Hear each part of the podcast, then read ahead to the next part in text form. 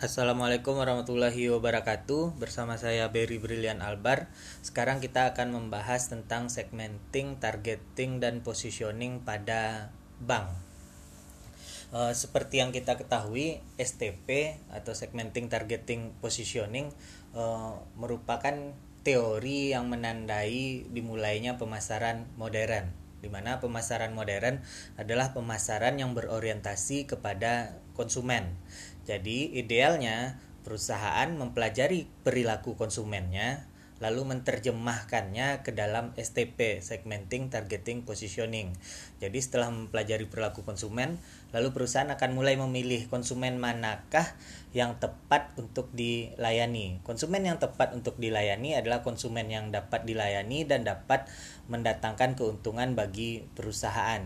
Jadi perusahaan atau bank itu perlu menentukan siapa kelompok konsumen yang akan dilayaninya atau biasa juga disebut dengan uh, segmen konsumen. Nah, awalnya kita pelajari dulu perilaku konsumen. Jadi ketika mempelajari perilaku konsumen itu ada banyak pertanyaan mulai dari siapakah konsumen kita, lalu jasa apa sih yang dibeli oleh si konsumen ini ketika datang ke bank kita lalu eh, kapan konsumen itu membelinya waktunya dia mengkonsumsi jasa bank ini? Lalu siapa yang mempengaruhi keputusannya sehingga akhirnya memutuskan menggunakan bank kita? Lalu eh, mengapa konsumen mem, eh, memutuskan menggunakan bank kita? Lalu bagaimana perilaku konsumen dalam eh, membeli jasa perbankan ini Oke, informasi itu perlu kita kumpulkan untuk digunakan uh, dalam perancangan strategi dari uh, bank pada tahap selanjutnya. Jadi dengan mengetahui siapa konsumen kita, uh, bagaimana mereka mengkonsumsinya, apa yang mereka beli di bank kita itu kita bisa susun mau strateginya seperti apa, jasa bank yang ditawarkan apa dan bagaimana berkomunikasi dengan uh, mereka. Segmentasi konsumen merupakan faktor utama yang diidentifikasi dari bank pada aspek pemasarannya. Segmentasi konsumen merupakan aspek pertama pada pemasaran modern dan pada pemasaran bank. Jadi, sebelum memikirkan strategi yang lain, bank itu menentukan siapa konsumennya karena ketika dia sudah tentukan konsumennya itu akan mempengaruhi ke semua strateginya.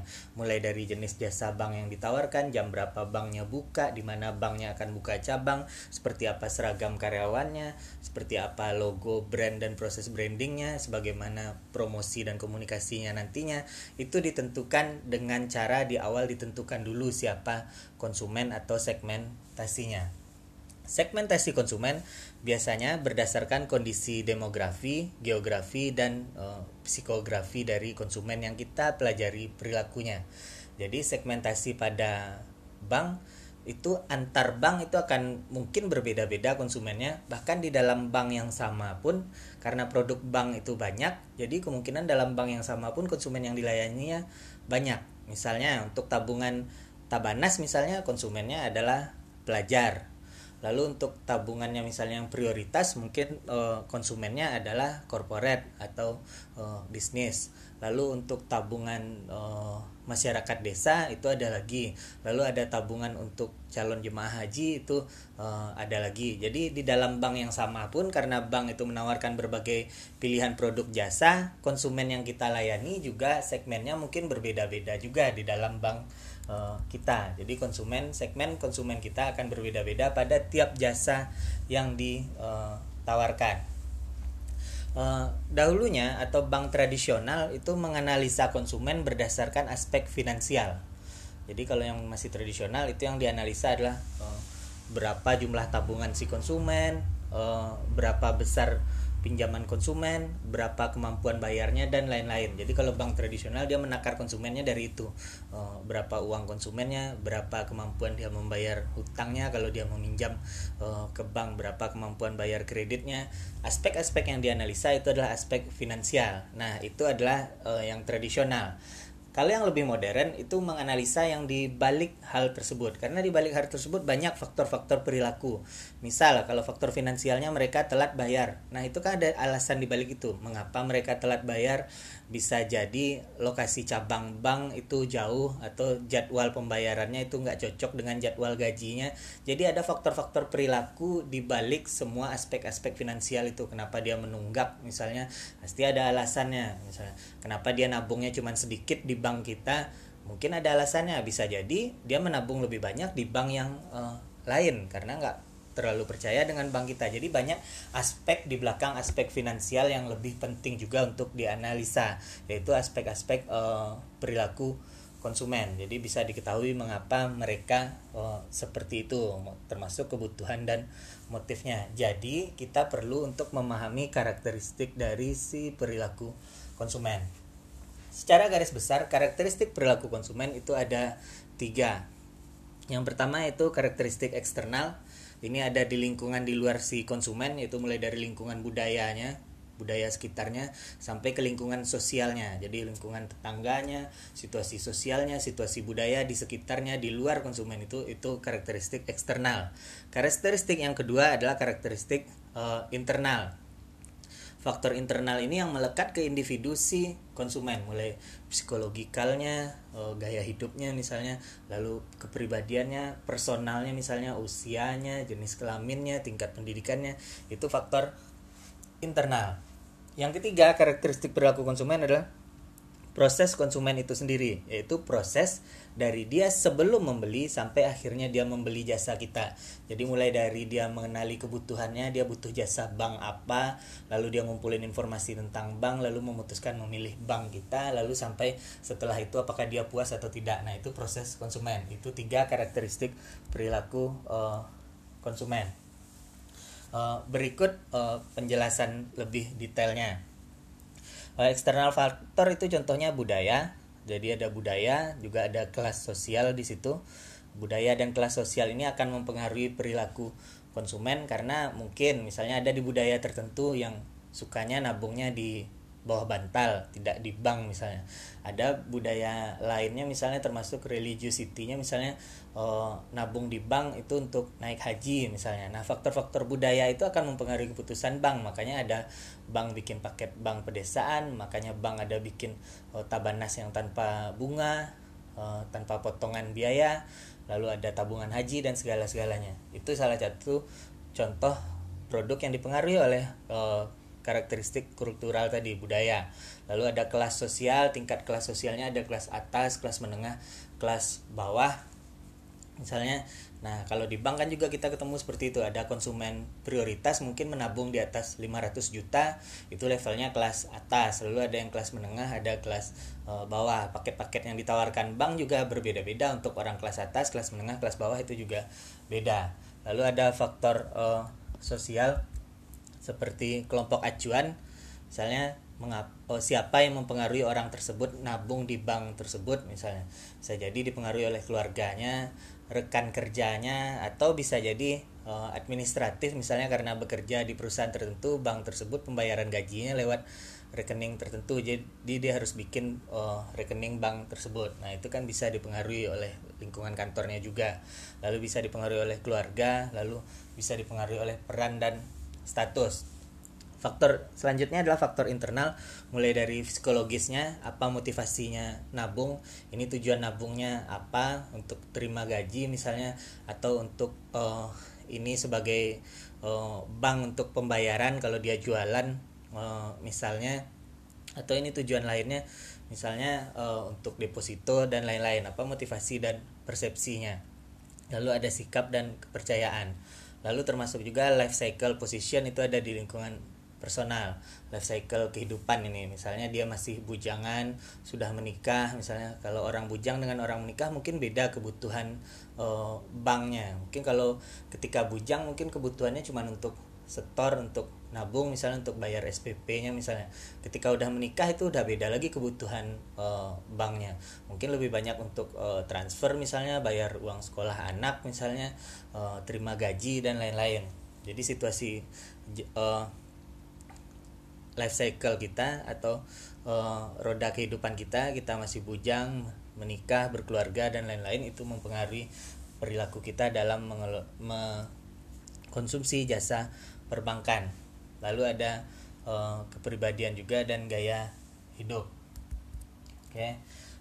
Yang ketiga yaitu proses keputusan pembelian konsumen. Nah di sini mulai dari uh, pemikiran cognitive balance cognitive imbalance di mana kita menerima informasi tentang bank A, menerima informasi tentang bank B, menerima berbagai informasi dari promosi, dari brosur, dari berbagai cara komunikasi tentang berbagai macam uh, bank.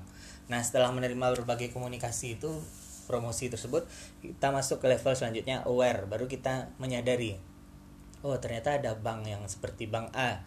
Oh ternyata ada bank tipe uh, B ini. Nah ketika udah aware biasanya kita sebagai konsumen itu akan mulai cari informasi. Oh ini bank ini sebenarnya bagusnya apa? Kelebihan bank ini apa? Itu proses pencarian informasi setelah mencari informasi itu biasanya knowledge kita akan bertambah pengetahuan kita akan bertambah tentang bank yang akan kita cari. Selanjutnya dari informasi yang terkumpul itu kita uh, evaluasi.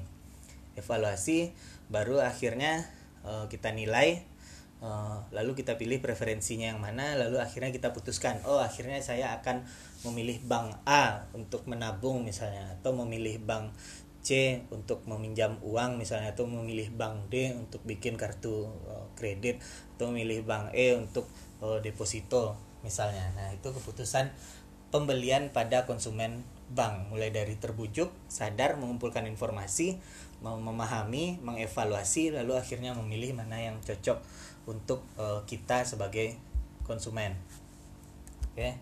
Eh, selanjutnya biasanya setelah mengkonsumsi jasa bank itu kita akan menilai apakah ini memuaskan atau tidak. Kalau memuaskan biasanya kita akan loyal uh, tetap menggunakan bank tersebut bahkan mungkin menyarankan kepada orang lain Nah kalau kita nggak puas mungkin bisa jadi kita akan pindah ke bank lain karena pilihan bank itu cukup uh, banyak. Oke, nah ada beberapa faktor yang mempengaruhi loyalitas konsumen bank. Yang pertama itu uh, cakupan cabang. Jadi kalau bank ini kan kita banyak lihat cabangnya. Nah jumlah cabang itu mempengaruhi loyalitas.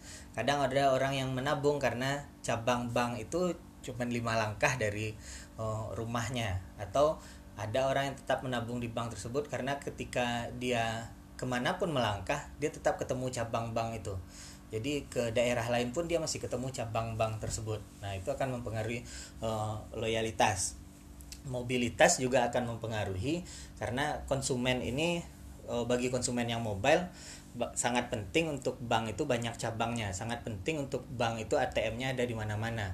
Sangat penting untuk fasilitas bank itu bisa di dalam genggaman entah internet banking online uh, banking semuanya bisa dikendalikan dari mana pun. Itu untuk konsumen yang mobile. Jadi dia sangat membutuhkan cakupan cabangnya itu harus uh, bagus.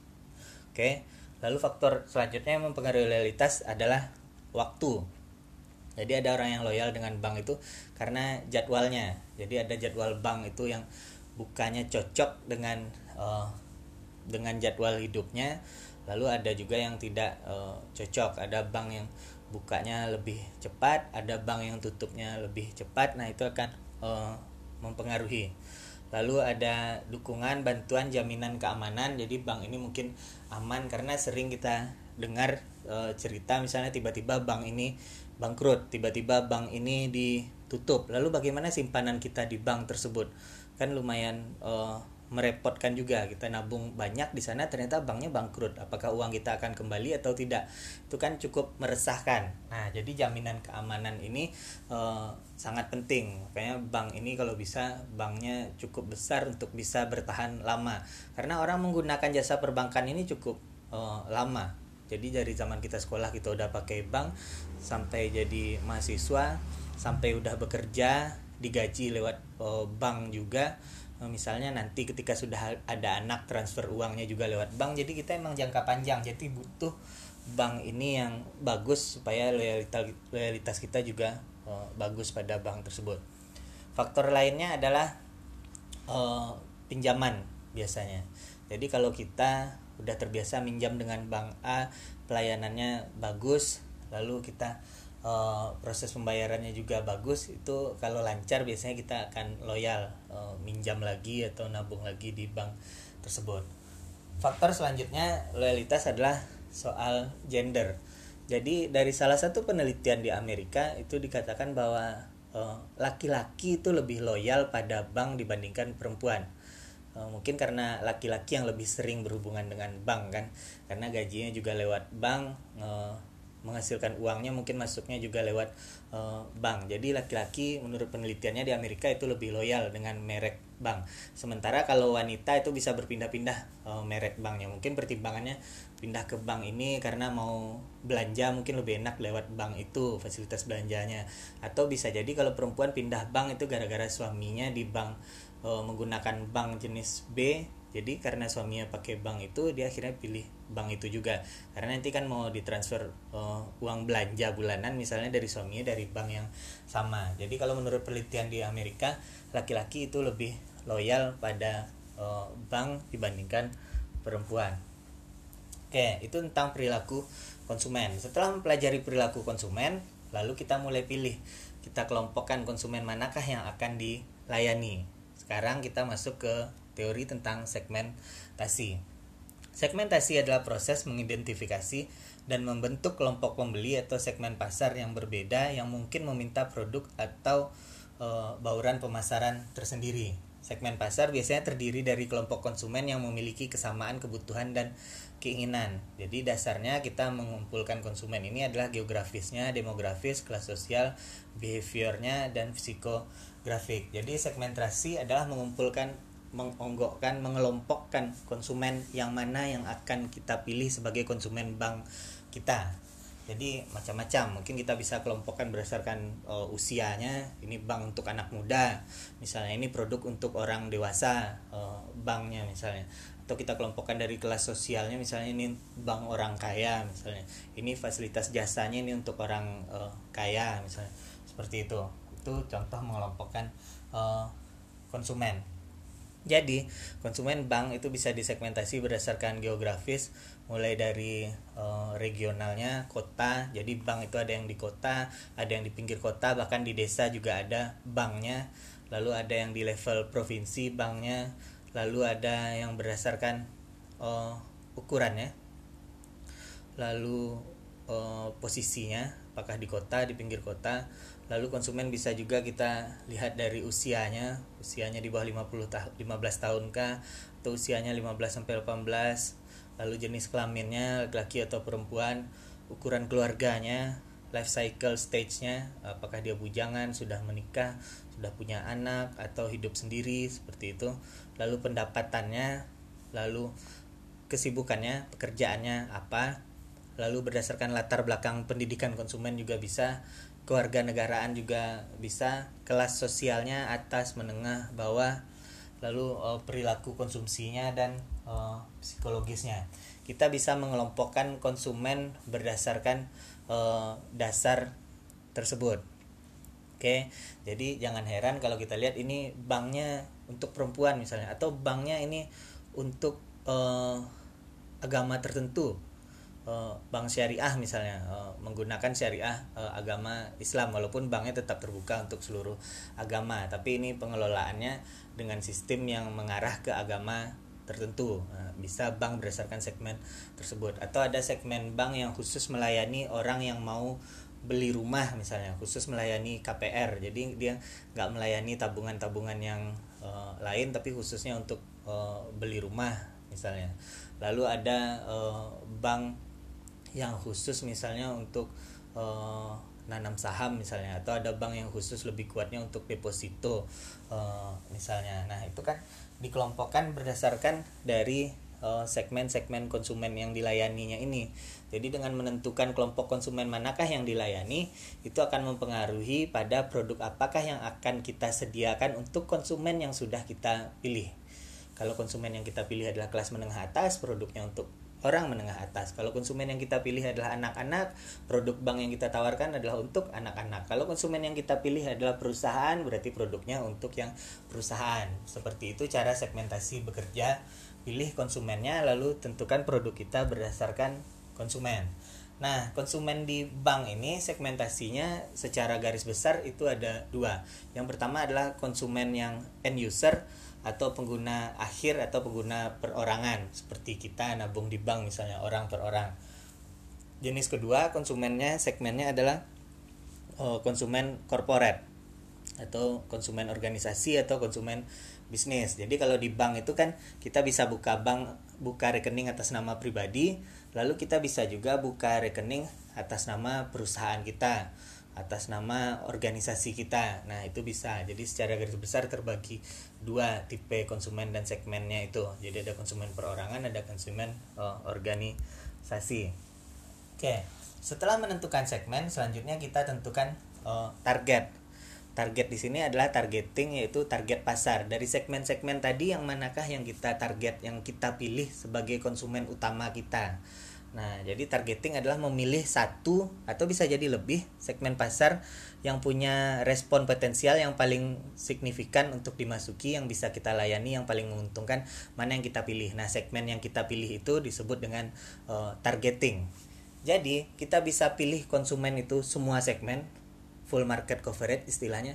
Atau kita pilih satu segmen saja single segmen atau kita pilih banyak segmen itu multiple segmen atau kita cari yang sangat uh, spesifik misalnya uh, individual uh, segmen atau bisa custom dia. Misalnya kita melayani jenis-jenis konsumen yang sangat uh, spesifik. Misal kita membuka uh, jasa bank itu tabungan untuk yang mau barale Nah, itu kan sangat spesifik. Jadi, kita sediakan tabungan untuk yang mau oh, paket tabungan untuk yang mau barale. Jadi mereka nabung itu khusus tabungannya tabungan barale. Jadi kalau biasanya kan ada tabungan haji untuk yang mau naik haji. Nah, ini tabungan barale untuk yang mau menikah misalnya. Nah, itu segmennya kan spesifik, cuman orang yang mau naik haji aja atau orang yang mau menikah saja yang akan membeli paket kita uh, paket jasa bank kita tadi itu jenis uh, targetnya. Jadi bisa dipilih yang sedikit bisa dipilih banyak segmennya bisa jadi luar biasa banyaknya atau mencakup semua pasar itu terserah. Kita mau pilih target yang mana. Inti dasar pemilihan targeting itu adalah mana konsumen yang paling menguntungkan bagi kita mana konsumen yang paling mungkin untuk kita layani atau paling mungkin kita buatkan jasa jasanya untuk konsumen tersebut.